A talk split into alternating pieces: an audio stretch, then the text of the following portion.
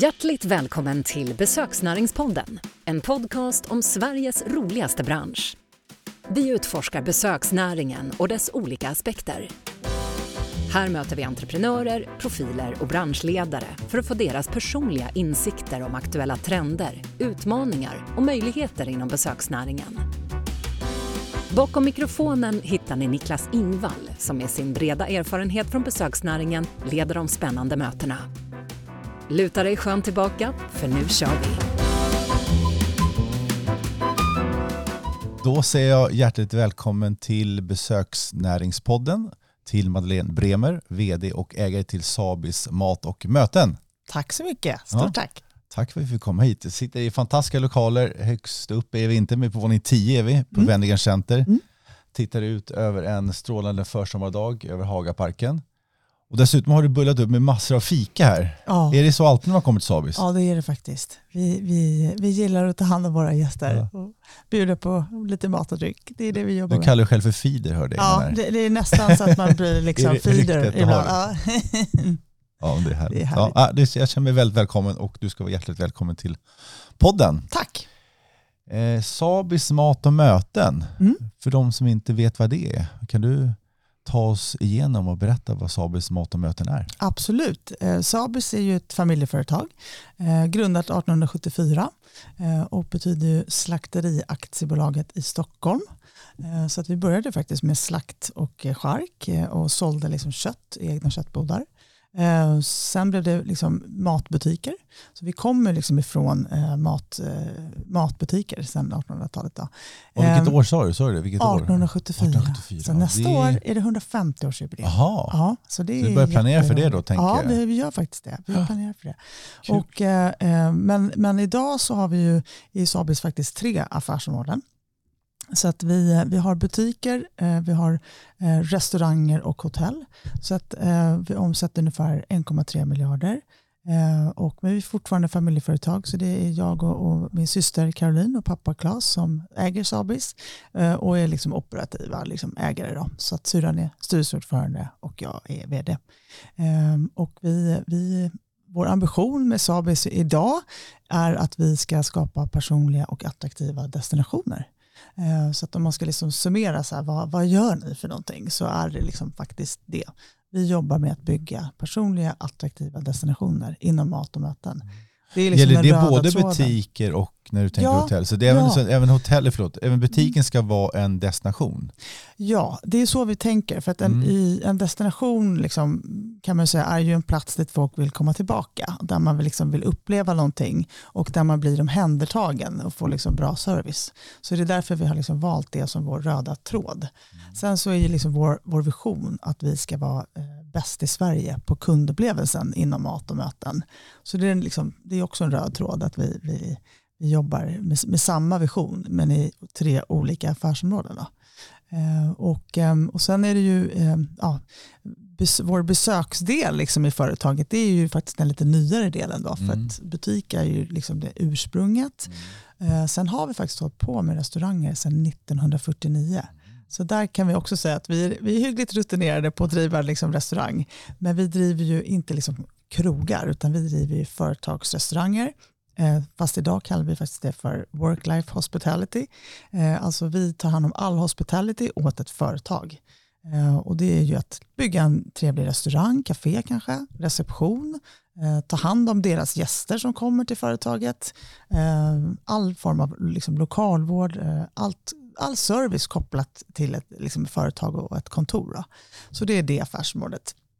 Eh, och sen då eh, det nyaste affärsområdet är ju då hotell och möten. Och hur, sen hur länge är det? Och det är bara sedan 2011. Just det, så det Eh, Så då förvärvade vi de här tre hotellen. Och, och det har varit en, en resa, verkligen utvecklingsresa och det visste vi ju om att det skulle vara. Så att, det har varit otroligt roligt att, gå in i, en ny bransch för oss då. Där vi ändå liksom hade mycket med oss när vi kom in men också eh, mycket nya lärdomar vilket är väldigt roligt. Det har utvecklat hela företaget tycker jag. Då blir man ju nyfiken på att gå då från Slakteriaktiebolaget, jobba Mm. med det och sen så kommer man in i butiker och sen så öppnar restauranger på 40-talet där. Mm. Och ta beslutet, men nu ska vi gå in och, och bli hotelloperatörer också. Mm. Hur, hur såg det styrelsemötet ut? Ja, vet du, det var, eh, vi hade så mycket spännande diskussioner under det, och det. liksom den här tiden när det Ja. där pågick. Eh, strategiarbetet i styrelsen då var otroligt eh, liksom, spännande. Eh, och, nej, men det vi gjorde var att vi, vi tittade liksom på vad har vi för möjligheter att växa framåt. Så vi la liksom en ny tillväxtstrategi för företaget. Ehm, och då såg vi, vid, vid den här tidpunkten, då för, nu är det faktiskt 12 år sedan, så var det väldigt svårt att hitta nya butikslägen. Eh, jag skulle säga att det var faktiskt omöjligt. Så det var Då- svårt att växa i det, det var segmentet. svårt att växa där. Mm. Och, och, ehm, vi hade haft en väldigt stor tillväxt på den, eh, inom restaurang och service eh, och liksom startat 13 nya enheter på liksom några år bara. Eh, och också så här börjat nå liksom någon form av, jaha, vi kanske inte kan växa så mycket mer här i vårt, vi jobbar ju liksom i kvalitetssegmentet. Och då blev det liksom, vad, vi kanske måste hitta nya vägar. Vad är vi bra på? Vi är bra på att ta hand om gäster, vi är bra på mat ehm, och vi brinner ju också för det här med att liksom skapa upplevelser och destinationer. Eh, och då blev det liksom ett, ett ganska modigt beslut tycker jag att vi, Verkligen. gick in i, i, i den här nya liksom, världen. Och, ehm, det var också en drivkraft för oss att eh, faktiskt få styra hela produkten Mm. och äga upplevelsen. Eh, Så det var en viktig del för oss ägare i familjen att liksom känna att för, för att eh, driva ett hotell idag är ju verkligen höjden av entreprenörskap när man liksom äger både fastigheten och driften. För det gör ni? Det gör vi. Vi Mm. äger både fastigheten och driften i våra tre hotell. Och, ehm, och det är ju verkligen en, en ynnest att få liksom göra det. För att då kan man verkligen eh, forma produkten som man vill, liksom skapa, äga hela liksom kundupplevelsen. Eh, och det är en stor drivkraft för oss. För vi är ju verkligen entreprenörer. Vi gillar att bestämma. vi gillar att skapa, vi gillar att bestämma och liksom just verkligen att ha kontroll över så här, nej men det här. Det är det här vi vill att kunden ska uppleva. Eh, Och det är inte alltid så lätt att göra det om du kanske har en, en fastighetsägare som i sin tur har en förvaltare. Och så, det blir liksom ganska långt avstånd då. Eh, Så på det här viset så kommer man ju så nära kunden och kan verkligen själv liksom skapa den upplevelse man vill, man vill skapa. Mm. Så det var roligt. Mm. Men då när ni tog det steget då, eh, tog ni in ny kompetens? Eller liksom, för att ändå, ni hade ju kompetens från butiksdrift och restaurangdrift men inte från Mm. det här. Hur, hur tänkte ni kring det? Nej, men dels, vi förvärvade ju en liten liksom, koncern med tre Mm. hotell. Så det fanns fanns ju mycket kompetens där. där. Ja. Så de gick ju med i, över. Liksom. Och, eh, och några av dem är ju fortfarande kvar, tack Mm. och lov, vilket är otroligt roligt. Ehm, men sen så fick vi såklart ta in ny kompetens också. Det var ju en resa där. Eh, för det vet ju alla som har gjort ett förvärv att liksom, eh, alla hänger ju inte med på i en ny företagskultur. Och det är ju liksom en resa att liksom få med folk på tåget. Att nej men så här jobbar vi i det här företaget. Liksom. Mm.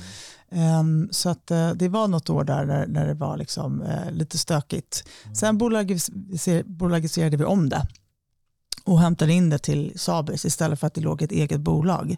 För vi kände att vi gillar att ha allting i samma paraply, samma värderingar, samma kultur eh, och att vi styr det på, på ändå likartat sätt. Liksom. Eh, och sen fick vi, började vi verkligen få ordning på det efter det tycker jag. Mm. Och om du tittar tillbaka på den tiden, då, det året där som du säger själva stökigt. Mm. Vad drar du för lärdomar av det? Vad skulle du gjort annorlunda idag? Oj, vilken bra fråga. Um, ja, alltså, vi skulle nog inte ha gjort så mycket annorlunda. För Nej. jag tycker vi var rätt modiga. För vi, vi, det vi, vi gjorde också var så här, vi, bara, vi har inte gjort ett så här stort förvärv förut. Så vi försökte liksom nätverka och prata mycket med liksom, eh, lite större företagsledare. Vad, vad ska vi tänka på? Ge oss något, något tips. Liksom. Och då kommer jag ihåg att det var en, en vd som är superrutinerad som, som eh, jag käkade lunch med. Han sa så här, tänk på att minst 25 procent av de här människorna kommer att dra nu. För att de kommer inte, Direkt mer eller mindre? alltså mer eller mindre Ja, direkt, ja. för de kommer inte vilja hoppa på ditt tåg. Alltså så här, du har ett tydligt tåg som, som lämnar stationen. Alla kommer inte vilja vara med på den. Och det hade vi liksom med oss Mm. hela tiden. Att man var så. så här, mentalt förberedd på att så här, folk kommer att dra, det kommer bli jobbigt, eh, men vi, vi måste ta oss igenom den fasen. Eh, och det, det gjorde vi. Men om det är någonting jag ångrar så är det nästan att vi inte klev in ännu mer ännu tidigare. Därför att det skulle ju ändå så att säga bli sådär jobbigt. Så vi hade liksom lika gärna kunnat göra det, snabbare, ja, liksom. göra det snabbare. Vi, vi väntade kanske några månader för länge. Mm. För vi, vi var så måna om att liksom lyssna in och eh, liksom få med oss alla på tåget. och sådär. Så det, det, möjligen det då att man skulle ha, ha gått in ännu lite snabbare. Liksom. Mm. För vi, vi, vi är ju ganska så här, eh, ett väldigt socialt liksom, inkännande företag och, eh, och eh, ibland så måste man också verkligen sätta ner foten när det gäller. Så det är väl det enda. Men lärorikt var det. Och det här och var ju då 13 år sedan blir det va? Mm. Mm. mm. Eller 12 år sedan. Eh, hur, som, hur, hur, har utvecklingen varit från den tiden fram till idag? Om vi, sen kommer den här coronaperioden också. Men mm. om kanske lite bortser från det, men hur, hur har utvecklingen varit? Har det blivit som ni hade tänkt? Eller med, med just hotellen menar du? Ja, mm. hotellen. Nej, men, ja, det har varit en otroligt spännande och rolig resa Eh, att liksom driva hotell. Eh, och eh, Man kan väl säga att vi, vi har lagt liksom mycket krut på att verkligen, verkligen förstå liksom, vad ska de här hotellen vara för någonting. Liksom, hur ska vi jobba, men framförallt liksom, vad ska hotellen vara? Vad, liksom, vilket segment behöver vi liksom öka? Är det någonting där vi kanske behöver minska? och förstå liksom, marknaden och förstå liksom, produkterna. Eh, väldigt, mycket, eh, väldigt mycket krut på liksom, produktutveckling och fastighetsutveckling. Eh, och det tar ju tid och det kostar pengar så att man behöver liksom göra det smart och, och så. Ehm, och ehm, sen så, så har vi gjort väldigt mycket analyser eh, och tittat liksom, på konkurrenter. Ehm, och det är ju väldigt härligt med hotellbranschen för folk är ju väldigt bjussiga och generösa. Liksom. Man är ju, det är en väldigt social och, och härlig bransch. Så ringer man en, kollega och säger så här, hej jag har sett att eh, du har byggt ut det här och det här, får vi komma på studiebesök till dig? Så får man ju typ aldrig ett nej. Ja, du är jättevälkommen. Ja, men kul. Så åker man dit. Så säger man att du är jättevälkommen att komma till mig om du är någonting som du vill lära dig. Eh, och det här är ju väldigt kul. Så jag tycker att vi hade några år där vi verkligen var ute mycket och tittade och, och kollade på liksom eh, massa hotell, lärde oss hur mycket som helst. Jag var med i Svenska mötens styrelse sju, åtta år, också jätteroligt, spännande. Kommer ut på hotell i hela landet också. Um, och så jag skulle säga att vi hade några liksom läroår och liksom lät det få vara så att nu ska vi lära oss det här, nu ska vi verkligen förstå. Och vilka är bäst och varför är de bäst? Liksom? Och, och, och jag tror att utmaningen för det segmentet som vi har jobbat i, det är ju att man är, hamnar liksom i kursgårdsträsket som vi brukar säga. Och där vill man liksom inte vara, mm. för att då lyckas man liksom kanske inte attrahera rätt kundsegment och inte tillräckligt mycket eh, leisure, liksom privatgäster. Um, så vi har jobbat ganska mycket med att, uh, vi var ganska tidiga tycker jag ändå på att, att gå in i privatmarknaden. Uh, och att börja liksom bygga om hotellen och anpassa det så att det ska bli mer attraktivt för liksom privatgästerna. Det, det hade vi börjat med flera år innan eh, corona, tack och lov. Um, men sen så tog vi det här beslutet då för några år sedan att vi faktiskt verkligen, nej men nu, nu ska vi liksom satsa ordentligt. Eh, nu förstår vi vad vi behöver göra på lång sikt för att vi ska bli riktigt framgångsrika. Och det var ju när vi bestämde oss för att bygga ut Smådalar Gård. Eh, och det var ju för att eh, vi, vi kände ju att eh, eh vi behöver byta division. Vi spelar liksom i, ja, jag ska inte säga farmarligan, för det gjorde, så illa var det verkligen inte. Men, men, ja, men vi kanske spelar i division 3, liksom. nu ska vi upp i allsvenskan. Eh, och eh, vad behöver vi göra då? Eh, och det la vi väldigt mycket tid på att hitta. Ehm, och sen bestämde vi oss då för att nej, men vi ska ju bli Nordens ledande sparresort här. Det är det vi ska göra. Eh, och då förstår man att oj, det, det är ett stort steg. Det kostar mycket pengar, det kostar tid eh, och, och, engagemang. Eh, men vi gav oss den på det. Och, ehm, eh, och sen påbörjade vi. Liksom, och, och vi ritade och vi utvecklade konceptet. och, och sen så startade vi den här ombyggnationen då i hösten 2019 innan coviden slog till. Sen vet vi alla vad som hände i, i, i mars 2020 och då var ju vårt bygge redan i full gång. Eh, vi kunde inte stoppa det heller, utan det var bara att, att eh, planera och prioritera och, och få det färdigt. Liksom. Och sen 2021 då, så stod det ju klart allting och då gjorde vi nyöppning av nya Smådalar och Gård. Så det har varit en otrolig resa, eh, jätte, jättespännande. Jag är väldigt stolt över den resan, att vi vågade och att vi också hade modet och orken att klara det eh, trots att, att företaget gick igenom sin största kris någonsin. Ehm, det var många sömnlösa nätter eh, de där åren. Det var ju jobbigt nog ändå, bara med eh, liksom coronakrisen. Ehm, men att vi sen då hade den här enorma investeringen som skulle genomföras och det här byggprojektet som skulle genomföras. Bara en sån grej att liksom restriktionerna bland alla byggare och vi inte visste, kommer vi få bygga? Liksom. Eh, men liksom vi klarade det. Det är som ett, nästan känns det som ett mirakel idag när man tittar tillbaka på det. Liksom. Och nu står hotellet där och, och vi öppnade liksom juli 2021. Bra jobbat. Så det är väldigt Snyggt. roligt. Ja, det är jättekul. En sak som jag funderar på och är lite nyfiken på det är att ni satt där då och tog det beslutet att vi ska bli, vara Nordens ledande spa-resort. Mm. Och då slåss ni med ganska stora drakar mm. i branschen, och både internationella och nationella. Och, mm. liksom, var kommer det modet och själv, självförtroendet ifrån? Ja, det finns, det, finns det i bolaget inbyggt eller? Um, ja, men jag, tror att, jag tror att det är lite i vår företagskultur. Mm. Uh, och jag tror att det är liksom lite från oss ägare att vi har vi har liksom inte något intresse av att vara störst, men vi har väldigt stor drivkraft att vara bäst. Eh, det är vår drivkraft, eh, Eh, att liksom vara bäst på det vi gör inom liksom varje del. Och vi älskar att tävla. Eh, det är liksom också en del i vår företagskultur. Eh, vi har tävlat i liksom OS i matlagning, kommit liksom trea, tvåa, etta eh, där. Vi har vunnit Sveriges bästa butik för fältöversten, Sabis fältöversten ett antal gånger. Vi vann Sveriges andra bästa arbetsgivare i år, jätteroligt. Det är liksom en del i vår, vår kultur. Vi gillar att tävla, vi gillar liksom det här att wow, eh, det där är ett företag som de gör bra grejer. Liksom. Och det är det som hänger ihop med den här ambitionen. Ja, men vi skapar personliga attraktiva destinationer eh, som liksom sticker ut. Ett ställe som liksom ger någonting extra. Man, man, det ska kännas som att man lämnar ett avtryck. Liksom. Eh, och det är inte bara avtryck i liksom hårdvaran, utan egentligen så är det ju det absolut viktigaste i avtrycket, det är ju liksom bemötandet du får.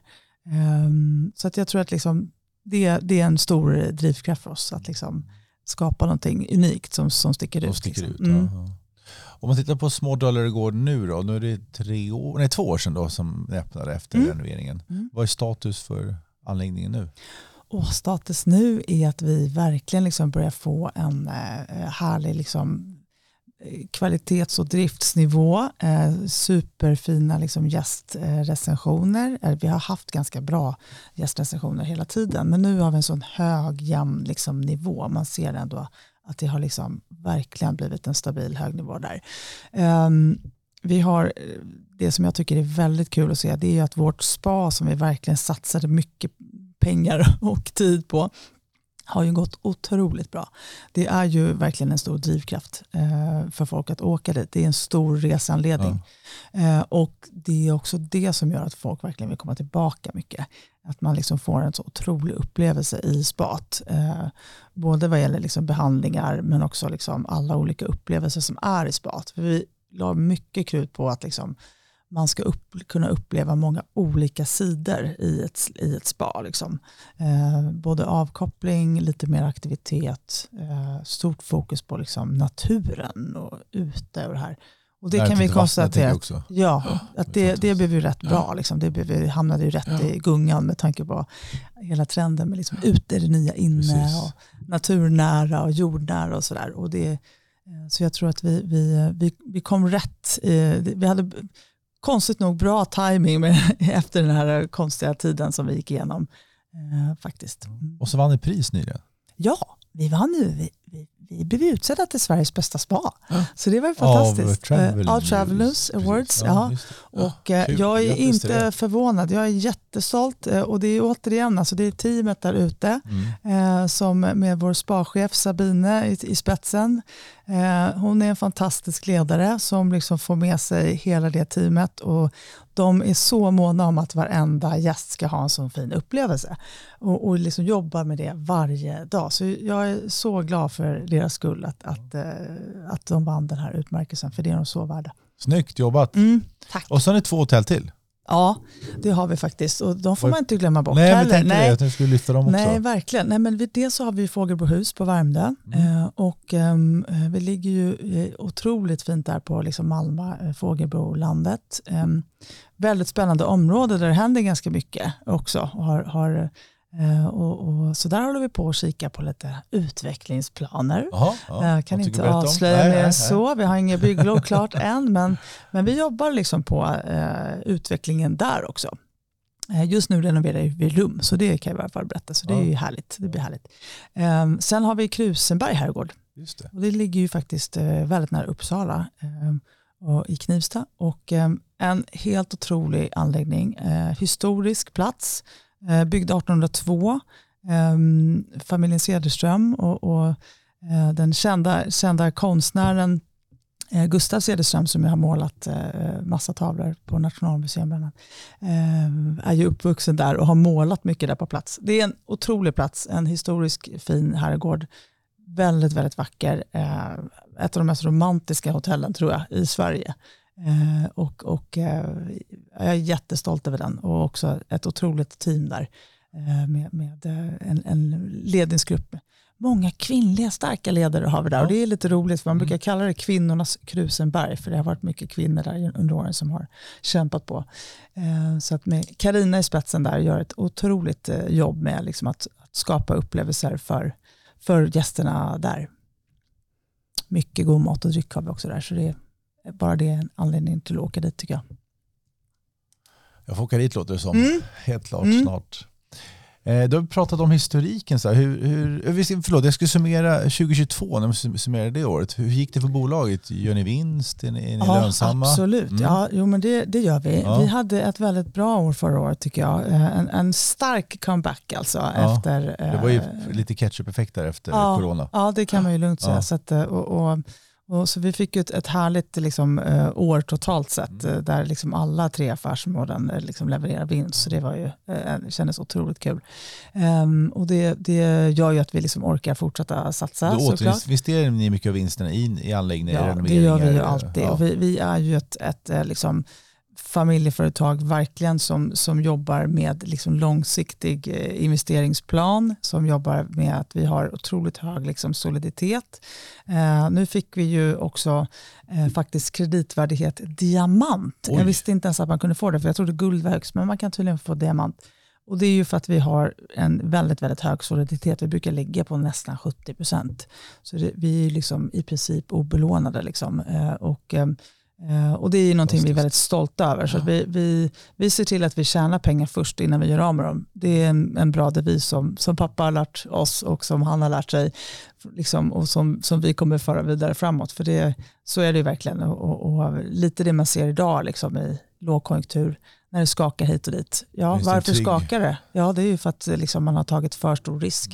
Mm. Uh, och, um, och här är väl liksom utmaningen för ett familjeföretag att, att ta ändå våga ta risk eh, fastän att man är jäkligt noggrann och försiktig. Ehm, så det, det tycker jag är viktigt. Man måste hitta rätt balans där. För man får inte bli för försiktig.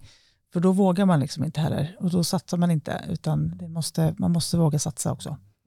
Du nämnde ju att det är du, din syster och din pappa som äger bolaget. Mm. Har, har ni liksom olika roller i den här med risker och vem är mest liksom riskbenägen och vem är mer på? Absolut. Vem, ja. ja. Nej, men så är kan det du ju. se då vilka, vilka det är? Eller vet? Ja, nej, ja. Men det, du ler. Gud, det är inga hemligheter. Det, ja. nej, men vi har ju såklart, vi är ju tre olika individer såklart. så man har ju liksom lite olika roll. Så.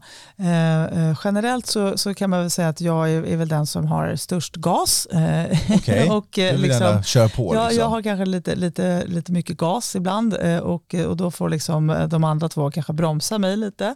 Eh, och liksom, eh, pappa har ju så otroligt mycket liksom, erfarenhet eh, och kan ju liksom bidra med så himla mycket liksom perspektiv eh, och, och, klokskap. Eh, så han är fortfarande vår största bollplank. Eh, Sitter han i styrelsen också? Ja, han är fortfarande mm. i styrelsen, absolut. Mm. och vi pratar ju varje vecka mm. och, och, under vissa perioder flera dagar i veckan såklart.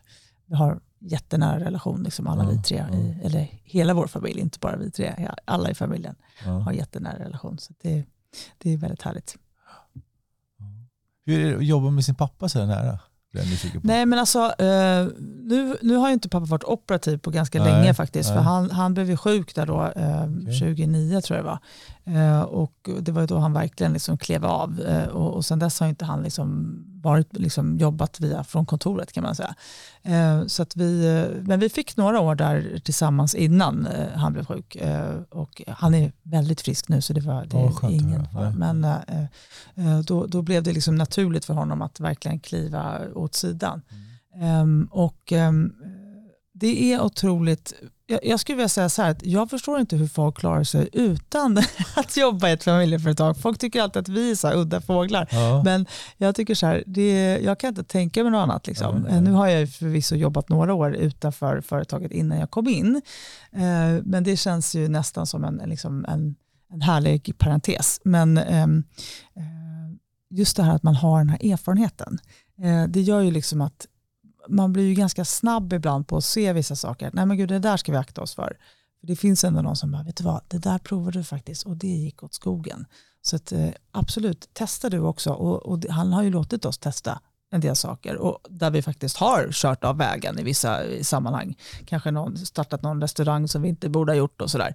Eh, men liksom också låtit oss göra det och liksom lära sig av sina misstag så länge inte misstaget är så stort så att det liksom påverkar hela företaget. så att säga. Nej, det får inte liksom vara en risk för hela, men, men, men en, en viss mått av kontrollerad risk måste man ju ta som ett företag. Liksom. Och, och, nej, så pappa är en fantastisk, jag tror att han är väldigt före sin tid. Han var liksom en modern ledare redan på 70-talet mm. som verkligen jobbade med att ge ansvar, delegera, låta folk liksom ta väldigt stort ansvar. Och det fick vi också känna när vi kom in i företaget, att vi fick ett väldigt stort ansvar och liksom vad tycker du? Hur skulle du vilja bygga upp där? Eh, liksom. Eh, och, och, när jag kom in så var det ju mycket för att vi eh, hade tappat mycket restauranguppdrag. Så att jag fick ju liksom ett väldigt tydligt uppdrag att okej, okay, gå ut och sälj. Vi måste hitta nya eh, liksom etableringar. Så det jobbade jag med ett par år. Och då var då vi, tjoff, startade vi 13 enheter där på några år. Det var en otroligt rolig resa. Eh, men det är klart att man, man har ganska bra mandat att gå ut och sälja när man jobbar för sitt eget liksom, företag. Så då, då blir drivkraften ett stor att lyckas också. Och det var din pappas pappa, alltså din farfar som startade bolaget? Nej, han köpte Sabis 1946. Din pappa? Eh, så det var, eh, nej, min farfar. Farfar. Eh, så ja. att, bolaget startades av tio familjer och så köpte farfar 1946. Och sedan dess så har det varit ägt i vår familj. Mm. Och din farfar lever inte längre? Nej, Nej, han gick bort väldigt eh, tidigt tyvärr. Redan 1954. Aha. Så det, det var, det, det var inte din pappa så gammal? Nej, då var han sex år. Aha, ja. Så det var det farmor och fabrikschefen som körde Aha. på ett par år tills pappa blev varm i kläderna och fick eh, börja jobba. Spännande historia. Mm. Mm. Så vi, vi är verkligen ett, ett riktigt familjeföretag. Ja, mm. Upptäck din partner för rekrytering i besöksnäringen Growizit är specialiserade experter och har erfarenhet från alla roller inom branschen och rekryterar både ledande, administrativa, säljande och operativa tjänster. Rekrytering, executive search och interimslösningar kan Growizit på sina fem fingrar. Välkommen till Growizit. Vi rekryterar för besöksnäringen. Eh, om man tittar framåt då? Vad, vad är visionen och ambitionerna och tillväxtplanerna framåt för Sabis? Tillväxtplanerna framåt är ju faktiskt, eh, vi känner oss väldigt liksom, hoppfulla för framtiden. Det måste jag verkligen säga. Vi, jag tror att vi kommer ha en väldigt eh, fin tillväxt inom alla våra tre affärsområden. Eh, och, ehm, eh, vi jobbar ju väldigt liksom, brett med att titta på liksom, var ska vi finnas, eh, var ska vi starta för nya enheter och sådär. Jag känner en, en stor liksom tillförsikt att vi, vi kommer växa inom alla tre områden. Um, och vi, vi har väldigt starkt liksom kunnande och, och ett bra erbjudande tycker jag inom alla våra tre eh, affärsområden.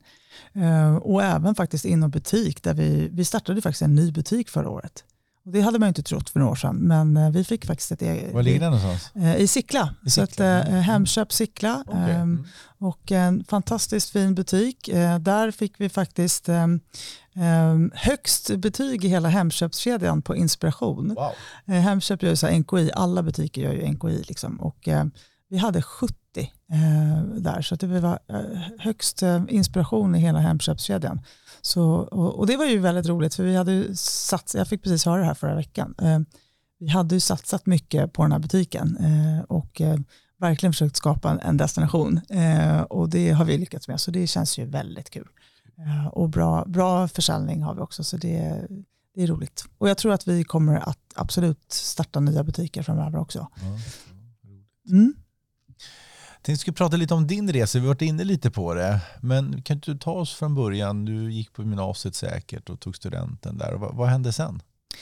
Um, ja, men jag stack till USA efter studenten och um, pluggade och eh, uh, jobbade lite där. Um, och sen så jobbade jag lite när jag kom hem och sen så började jag på universitetet. Och, och, och så jag är liksom ekonom, eh, så jag har magisterexamen i, i ekonomi med mycket fokus på marknadsföring och strategi. Eh, och, eh, så man kan väl säga att liksom, jag, jag älskar liksom försäljning. Det är ja. det jag brinner jättemycket för, eh, bland annat. Eh, och, och marknadsföring tycker det är kul att liksom, hur når vi kunden, liksom, det är en, en ständig liksom drivkraft som man jobbar med. Um, och uh, sen så jobbade jag utanför företaget då några år. Vad var det? Um, Hur då? då jobbade jag på Arla. Uh, okay. Så det var mm. otroligt kul. Um, så jag fick faktiskt jobb där direkt efter examen. Och, eh, och, en otroligt bra skola. Mm. Ett jättebra företag. Eh, och vill man jobba med marknadsföring och mat så är det drömjobbet. För att man får lära sig så mycket om liksom konsumentbeteende och liksom, eh, data, liksom statistik, marknadsföring och sådär, kampanjer. Så det var väldigt roligt. Eh, men sen så eh, hade vi eh, ganska mycket familjemiddagar eh, som vi alltid har hemma och eh, hos pappa och, då, och mamma. Och då ehm, så syrran jobbade redan i, i, företaget då och de pratade mycket om att ah, vi måste vända det här, hur ska det gå? Det, det är tufft med, med liksom företagsrestaurangerna, vi tappar uppdrag och sådär. Eh, och, eh, och då började jag liksom lägga mig i deras diskussioner. Ja, men det är för att det är för omodernt och liksom, det, är, det finns inget koncept. Så vi har inget koncept. På den här tiden pratade man jättemycket om koncept. Det, är snart, det här är 20 år sedan vill jag bara säga. så det har hänt ganska mycket. Eh, och då till slut så tände pappa till där och bara, men om du tycker att du eh, kan göra det här så himla bra själv, varsågod och kom in och gör det då. då. Ja, det tänker jag, så. så han visste väl precis vad han skulle säga till den här liksom, ettriga lilla systern, hur han skulle få henne motiverad. Uh, för hon, hon gillar alltid en utmaning tänkte han, så då sa ju han det. Och det, jag nappade ju på det betet. Det ja. Men hade det funnits i ditt så medvetande innan att du ville komma in i företaget? Liksom, fanns det, har det funnits med sedan ni var barn eller när har det kommit med? Ja, jo, men det har väl alltid funnits där att man vill dit så småningom. Ja. Men, men för mig var det viktigt också stå på egna mm. ben. Och, och varför, varför jag ville ha den här känslan att ja, jag fick ett eget jobb eh, på egna meriter. Varför liksom, var det liksom- viktigt?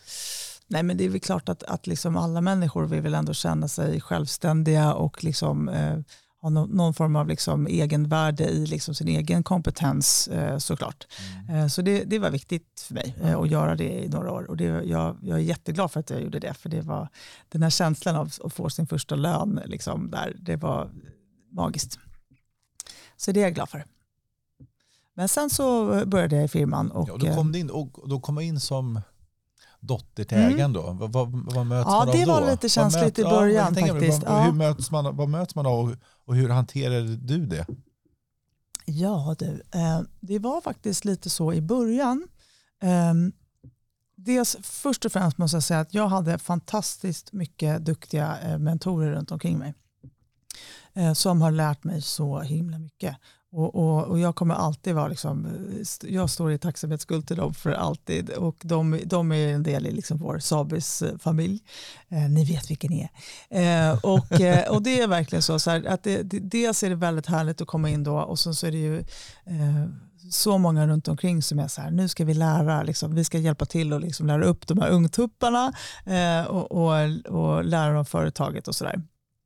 Eh, men sen är det klart att det är också ibland lite komplicerat. Att man liksom kommer in och så blir man faktiskt så småningom chef för någon som faktiskt har bytt blöjor på en. Ja, det är så pass? Ja, så pass är det faktiskt i ett familjeföretag. Och eh, eh det är ju en utmaning, men det gick faktiskt bra. Eh, och eh, det var väl kanske någon situation som man kände att det här känns lite komplicerat. Men i det stora hela så gick det otroligt bra och var väldigt roligt. Men det är för att vi, vi har en väldigt speciell liksom, känsla och kultur i vårt företag och en väldigt så här, familjär eh, stämning och socialt eh, social stämning. Men kan den ha någonting med hur, hur du är som person? Har du reflekterat över det? Att du har ett sätt att hantera det som är positivt? Ja, jo, men det, kan, det, det, det har du säkert såklart. Ja. Uh, och, uh, kan du se vad det, det, är? Ja, nej, men jag tror att, att jag är ganska bra på att lyssna på människor ändå. Um, man kanske inte tror det, för man jobbar med försäljning så brukar man ju säga att man har mer mun än öron. Um, men jag, tror, stämmer, jag tror jag. nog att det viktigaste i, alla, i allt man jobbar med ja. är öronen först. Uh, och att liksom uh, att kunna ta ett rum, att kunna ta liksom en människa och, och läsa av. Så uh, hur, hur, hur, vad behöver vi göra här? Liksom? Hur, hur, ska jag möta den här människan? Någonstans är det grunden i allt. Det är så här, grunden i ledarskap. Liksom. Det är grunden i, i det mesta man gör på jobbet. Egentligen, att läsa människor. Och det är väldigt, väldigt roligt. Men det, det har, jag har haft en otrolig mentor i pappa där. Eh, liksom. Och du nämnde ju hans att du tyckte själv att han hade haft ett väldigt modernt ledarskap från ja, början. Ja. Så du har speglat mycket i honom. Ja, jag tror både jag och syrran är liksom små kopior av, av pappa som går runt här i världen. Och det är väl lite härligt. För det är ju någonstans så här, det är det man själv hoppas. Liksom. Eh, jag ska inte säga att jag önskar att mina barn är som jag, för det önskar jag nog inte. Men, men just att det är, så här, det är en härlig känsla att ändå så här, han, de har verkligen, våra föräldrar har verkligen lyckats föra vidare många av, av de bästa sakerna som jag tror att de ville föra vidare. Eh, och ibland tror jag inte alltid de förstod att de förde det vidare, men de har ändå liksom gjort det. Eh, och det är ju härligt. Ja. Mm. Och det är väl det klassiska, barn gör inte som man säger, barn gör som man gör. Och det är klart, din pappa har haft ett sätt då blir det väldigt lätt att man tar efter de positiva sakerna ja, som han har ja, haft. Ja, och jag tror att liksom, um, när du frågar så här, vad gjorde du, vad har du gjort? Det är, det är, ingen, det är ingen fråga som man gillar att svara på, för man vill inte liksom förhäva sig. Uh, utan jag tror att, liksom att det är väl den här liksom, um, uh, balansen mellan att vara ödmjuk och att ändå ha en drivkraft. Mm. Mm. Uh, liksom att, att, att både liksom lyssna och kunna ta plats. Mm det är liksom en fin balansgång tycker jag. Ha den känsligheten då. Och mm. ödmjukhet mm. pratar om själv. Ja, liksom, och jag tror att ödmjukhet är väldigt, väldigt viktigt. Och det tycker jag är en så här dygd som för få pratar om. Eh, liksom att det är, det, det, är en väldigt fin egenskap att vara ödmjuk. Det är så himla lätt att bara, eh, det är ju jättelätt att vara liksom tuff och hård. Det är jättelätt att vara skrytsam eller liksom, eh, så. Men, men det är faktiskt svårare att vara ödmjuk tror jag. Eh, och, och men jag tycker det, det vinner i längden. Ja, klokt. Mm. Du kom in i bolaget, du fick det uppdraget, nu jäklar ska jag visa dem hur mm. man gör. Mm. Och sen nämnde du någon tror jag, tidigare att ni fick 13 nya kontrakt. Eller? Ja, vi expanderade ja. hårt där sen till slut. När vi väl knäckte de här mm. nycklarna, vad vi skulle göra, så blev det väldigt liksom, framgångsrikt. Och det var ju väldigt mycket kopplat till liksom, att bygga en bättre upplevelse för kunden och tydligare koncept och, och eh, liksom modernisera mycket. Och så där. Det var en väldigt rolig eh, tid. Ett år öppnade vi sju enheter. Oj. Tufft. Ja, då, då, då jobbade men det var, vi hade väldigt roligt också. Vi hade väldigt, väldigt kul. Det var en härlig, härlig känsla. Vad hände efter den perioden? Då? Vad, vad blev nästa steg i bolaget? Um, nej, men sen, jag har ju gjort olika saker. Jag har ju varit liksom affärsområdeschef för alla tre affärsområdena faktiskt. Uh, så att, uh, även jobbade ganska mycket med butik uh, under, under perioder. och Um, Ehm, ja, vi har ju, vi, för ett antal år sedan så byggde vi om väldigt mycket i vår stora flaggskepp på Fältöversten. Då la vi mycket fokus på det från oss ägare. Ehm, och, eh, och nu går ju tiden, så det var ju liksom 11 år sedan, så nu är det dags igen där. Och, så nu håller vi på att fila på nya planer på Fältöversten. Vad, ska, vad är nästa steg? Var är vi om fem år? Och det är väl här som jag tror är liksom, eh, grejen. Så att, eh, ehm, vår grej är ju liksom ständig utveckling, att man blir liksom aldrig klar. Eh, så att det är faktiskt ett av våra grundmål. Vi har liksom tre stycken grundmål. Och det är ju såklart tillväxt och lönsamhet. Eh, det är att vi ska vara bäst på kundupplevelser. Men sen är det faktiskt ständig utveckling, mm. vårt tredje mål. Mm.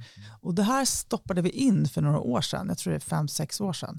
Och det har varit så bra, för det liksom vitaliserade hela företaget. Och, och eh, Det gör liksom att alla påminner sig själva hela tiden om att nej men just det, ständig utveckling. Och liksom, man får inte stagnera, man måste liksom hela tiden framåt och vidare. Eh, och, och inte bara så liksom att bygga upplevelser för kunden utan också med sig själv. Så här, jag blir aldrig klar. Så här, jag måste hela tiden utveckla mig. Jag måste göra saker bättre. Jag måste lära mig nya saker. Jag måste vidga mina perspektiv. Och det är det här vi vill liksom bygga in i alla våra ledare. Mm. Eh, mycket. Och det, och det tycker jag vi verkligen har lyckats med. Vi har kommit en enorm bit på vägen faktiskt. Sen vi jobbade mycket mer strukturerat för det. Och där, du nämnde förut, eller vi pratade om det, tror jag, att, att ni blev Sveriges näst bästa arbetsplats 2022. Var det? Ja, ja. ja. Eh, vi kom tvåa då i Sveriges bästa arbetsgivare. Arbets stora universums stora tävling som de har en gång om året. Det. Eh, så det var väldigt roligt. Eh, och det var ju mycket, väldigt mycket för att vi fick så himla högt då på engagemang, Eh, på delaktighet, liksom på företagskultur, på eh, liksom att, eh, att eh, ja, man känner sig väldigt delaktig och, och, och, engagerad och att vi har ett starkt och tydligt ledarskap och att man själv känner att man har ett stort mandat liksom, och, och driva igenom saker. Eh, och jag tror att det, det är lite så här, man kan säga att vi har som 40 små företag i företaget. För liksom vi, vi tänker så att alla de här enheterna vi har är som ett eget litet bolag där, där man ska ha liksom entreprenörskap, affärsmannaskap, bra ledar, ledarproffs, vi kallar våra ledare för ledarproffs. Um, och, eh, och att jobba liksom på det sättet, för då, då alla på den, liksom, eh, på den enheten ska ju känna att de brinner för sin eh, liksom, lokala marknad och, och för, sin, för sina kunder och hur gör vi det bättre för våra kunder liksom, varje dag. Eh, så hela vår eh, företagskultur, är ju, det, liksom, det finns en stor entreprenörsanda. Ehm, men vi har också tydligt liksom definierat eh, ledarskapet och vi har definierat också för varje medarbetare. Vi kallar alla våra medarbetare för kundproffs. Ehm, och det är ju för att vi, vi startade en, en, stor satsning då för, för, nu är det väl snart tio år sedan, som heter Jag är kundupplevelsen. Och, eh, och den heter så för att påminna alla om att det är deras insats som är avgörande. Det är liksom inte jag och syrran som ska åka runt och vara så här messias eller vi ska eh, liksom frälsa kunderna. Det är ju deras insats som är avgörande. Och liksom att påminna alla hela tiden om att liksom, eh, varje kundmöte, varje dag, liksom, kunden ska alltid lämna oss nöjd. Och vad är det vi vill att våra kunder ska känna?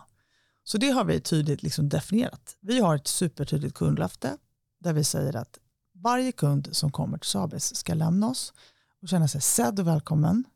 Man ska känna att man alltid kan lita på oss och man ska känna glädje.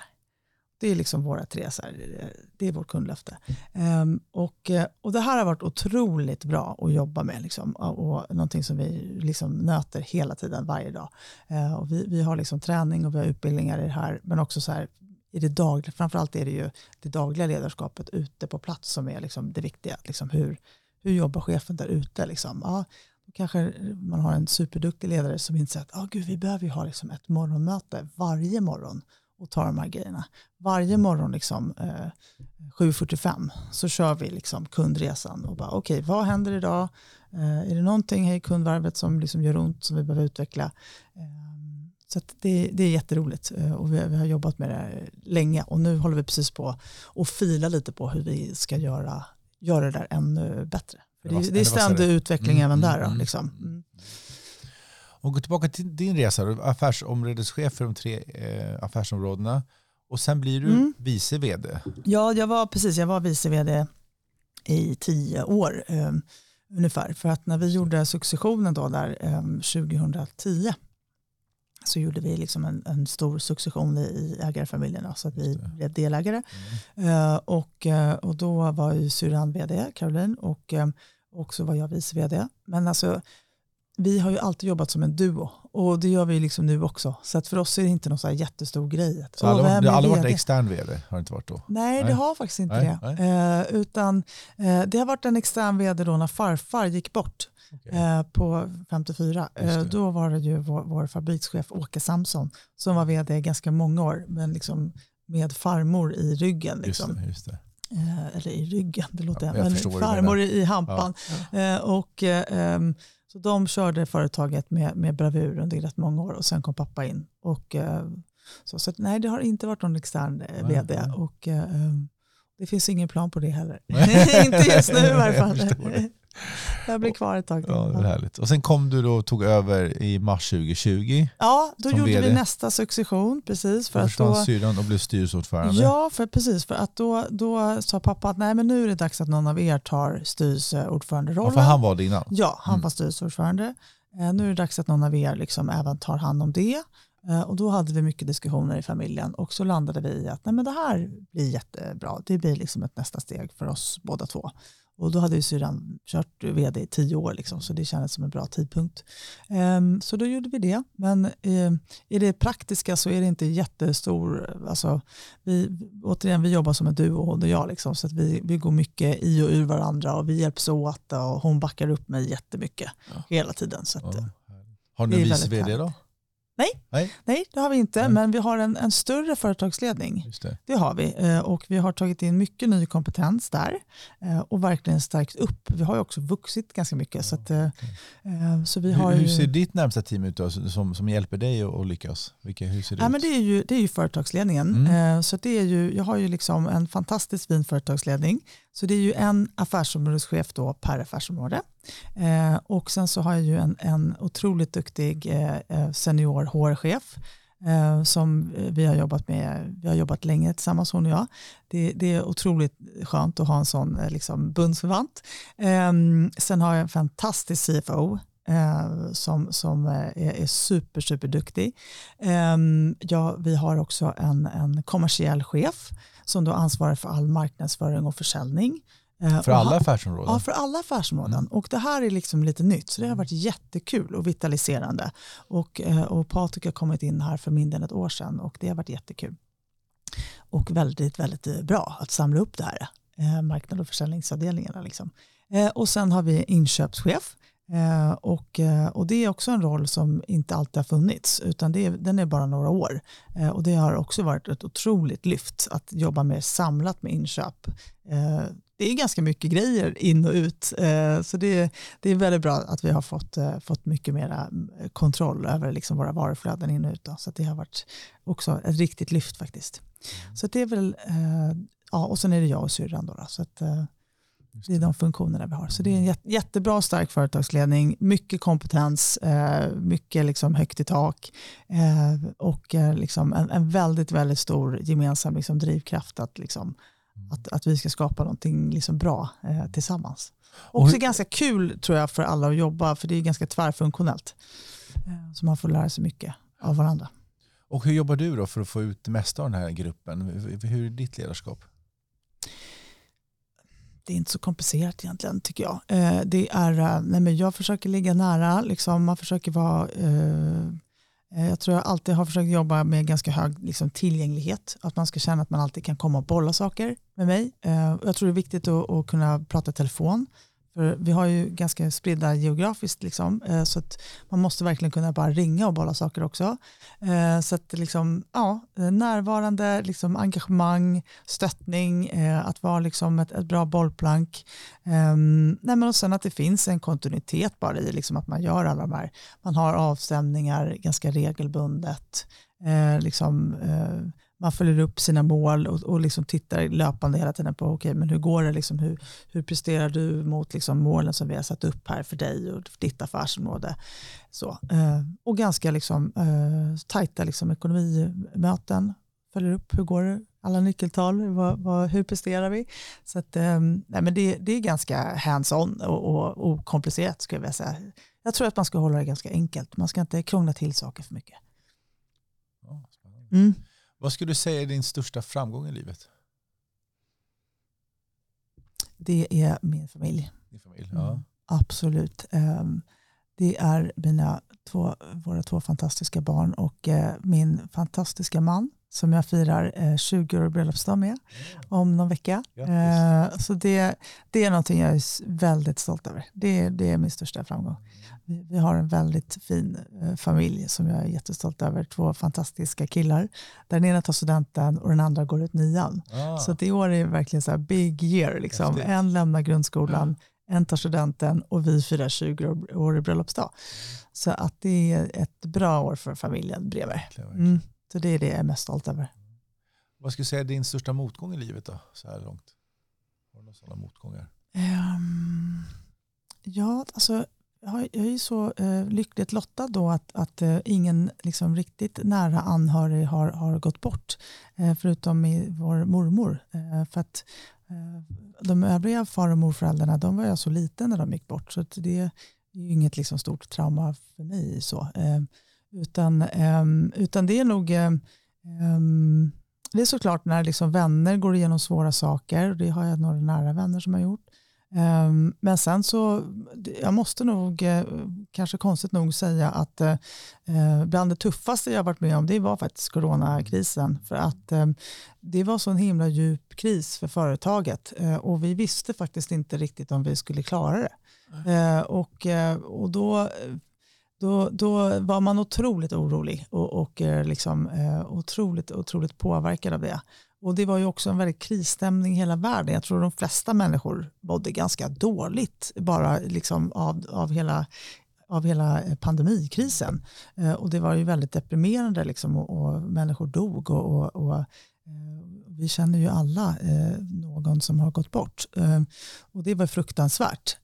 Men också så här, då för egen del att, att behöva säga upp så mycket folk som vi till slut gjorde. Det var otroligt tungt. Det var otroligt tungt. För det är ju som jag har sagt lite här, vi är ett familjeföretag. Vi har en väldigt nära relation till alla våra liksom, medarbetare. Så att, och vi har aldrig liksom behövt gå in och liksom säga upp folk på det här sättet förut. Det var, det var traumatiskt tror jag. Eh, det var traumatiskt för oss ägare, det var traumatiskt för hela ledningen. Eh, men vi tog oss igenom det och jag tycker att vi ändå kom ut starkare på andra sidan. Mm. Och, ehm, och det, jag är väldigt stolt över det. För jag tror faktiskt att vi är ett ännu bättre företag nu eh, än vad vi var innan. Eh, jag tror att vi också blivit ännu lite modigare. faktiskt. Mm. Att man vågar kill your darlings kanske ännu lite mer. Eh, och man vet liksom att eh, människor förstår också när det liksom går riktigt dåligt att man måste fatta en del tuffa beslut. Och det var väl också en, en insikt, en ny lärdom. Mm. Att vi faktiskt liksom, Eh, ändå fick liksom trots allt eh, stöd och, och, vi fick ju tillbaka väldigt många sen när vi kunde liksom återanställa. Även om det såklart var jättetufft där ett tag liksom med att hitta personal när det, när det tog fart igen. Liksom. Nej, men så det, det, är nog det, det är en stor kris. Att, att det här vetskapen om att herregud, någonting som vår familj har, har kämpat och slitit med, det är så mycket blod, svett och tårar liksom bakom det här familjeföretaget och, och, känslan av att kommer allting gå åt pipsvängen, eh, det var fruktansvärt att känna så. Jag kommer ihåg jag var ute och gick en lång promenad med en kompis och, och tårarna bara sprutade. Liksom. Det bara sprutade. Eh, men sen så fick vi kontroll på det och eh, vi, jag och vår CFO Sofia, vi satt varje dag, kassaflödet, kan vi betala räkningar idag? Ja, det kan vi varje morgon så satt vi med kassaflödet och så kämpade vi på så i de här ett och ett halvt åren och eh, eftersom vi hade den här stora investeringen också så, så vi skulle betala alla byggare under den här tiden. Så det var, det var väldigt stressigt men det gick. Det, det är man, man är glad över det nu. Man, man är glad att det är över. det är skönt ja, att det är förbi. Ja. Om du ska ta några liksom lärdomar från den perioden, vad, vad tar du med? Liksom, du skulle summera tre punkter. Um, Ja, men kanske även där att vi, vi nästan väntade för länge med att liksom skära ner på personal. Men vi gjorde ju, vi höll ut så länge vi bara kunde. För vi ville ju inte säga upp någon. Så det är väl, det är väl kanske en sån grej att där, där, det var ju många som gick ut väldigt snabbt, väldigt hårt och bara pang så upp 3000 personer. Um, och, um, men samtidigt, ja, jag, jag ångrar inte det liksom riktigt heller. Det, var, det är ju, är ju um, Sen är väl eh, en, en lärdom, det är väl faktiskt det här att, liksom, att ha rätt kostnadskostym från början. Eh, vi, vi la ju faktiskt ner några ställen under pandemin eh, som vi inte har öppnat igen. Eh, det blev mycket kill your darlings eh, där men, men eh, det var också väldigt, det är ganska befriande.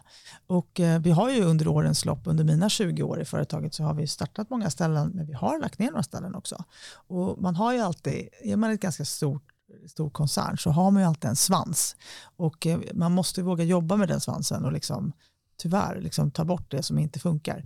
Och jag tror att vi har blivit ännu lite modigare där efter pandemin. Att liksom faktiskt kanske lite tidigare vara lite mer krass och bara, nej men det här kommer inte funka. Nu, nu stänger vi igen det här eller vi säljer det. Eller vi... det, det tror jag är en bra lärdom. Eh, vad skulle du säga är liksom ett eh, recept eller tips och råd om hur man driver ett, ett, ett, eh, företag framgångsrikt? Um, jag tycker att eh, men, A och O är ju såklart att ha, ha det bästa teamet eh, liksom, och ha rätt kompetens och medarbetare runt omkring sig, våga delegera, inte tro att man kan allt bäst själv utan liksom att, att verkligen liksom jobba via andra och, och, och bygga starka liksom ledningsgrupper. Eh, jag tror att det är jätteviktigt att också flytta ut mandatet eh, där det ska vara. Att liksom besluten ska fattas närmast kunden. Det är då ett företag är bäst. Uh, beslut ska inte bara fattas på ett huvudkontor. Beslut ska tas varje dag ute där man träffar kunden. Och man ska ge mandat att alla medarbetare ska kunna göra allting för att varje kund ska vara nöjd. Uh, och jag tror att tappar man det som företag, då tror jag att det kan gå ganska illa. Uh, man måste jobba nära kunden. Alltså. Uh, så det är mitt största tips. Och sen att man har koll på kassaflödet. ha koll på kassaflödet ha, ha liksom, och, och, inte bara då liksom, eh, driftsresultat och, och liksom nettoresultat och, och liksom alla tusen KPI utan faktiskt att ha ett bra kassaflöde så att man kan investera framåt och man kan liksom eh, och sen ta inte för stor risk, ta inte för mycket lån. Eh, se till att växa organiskt och, och håll koll på vad du håller på med innan du tror att du ska gå ut och erövra hela världen och liksom ta över eh, halva Skandinavien så kan det vara bra att liksom gräv där du står först och, och, och se till att du, eh, att du liksom levererar ett resultat på det du gör och sen när du har byggt upp ett, ett kapital efter att du har klarat de här åren, då kan du satsa i nästa steg. Bra tips. Mm. Vi börjar närma oss slutet av samtalet med Madeleine Bremer. Och jag tänkte som sista ord sådär, eller sista fråga ska jag säga. Mm. Du har ett stort ansvarsfullt jobb, du har två barn och en familj, du har mycket vänner verkar det som, och mm. ett rikt socialt liv. Var hittar du din kraft och liksom energi ifrån? Vad får det att jobba på? Liksom, vad, är, vad är motivationsfaktorerna och vad är återhämtningen? Nej men alltså, återhämtning det får jag hemma mm. uh, och med familj uh, och vi har hund. Så det är en, en fantastisk källa till återhämtning och, och glädje. Uh, kul. Eh, så det är mycket natur och, och, och liksom faktiskt att, att vara hemma i den mån man, man kan och, och pula och liksom ta hand om hus och trädgård.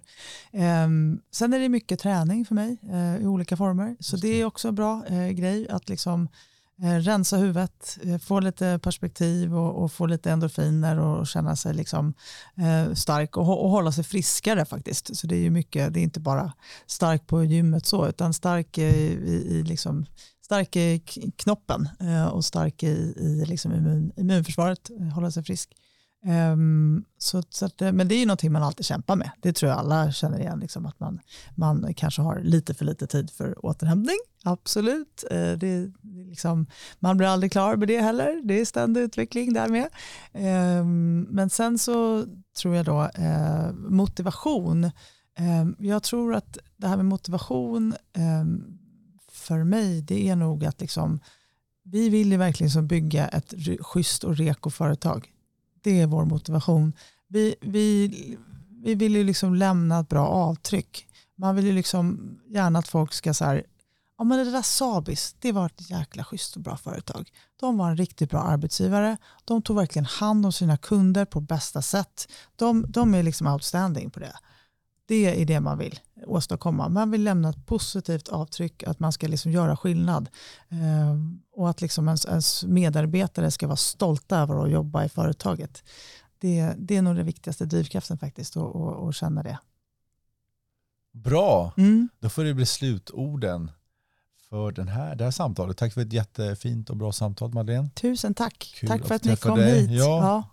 Och vi kommer gärna igen med alla de här fikabullarna och så, här, så ja. vi kommer gärna hälsa på på Fredags, igen. Fredagsfika, ni är så välkomna ja. tillbaka. Stort tack till Madeleine och ett stort tack till er som har lyssnat och vi hörs snart igen på eh, Besöksnäringspodden. Hej då!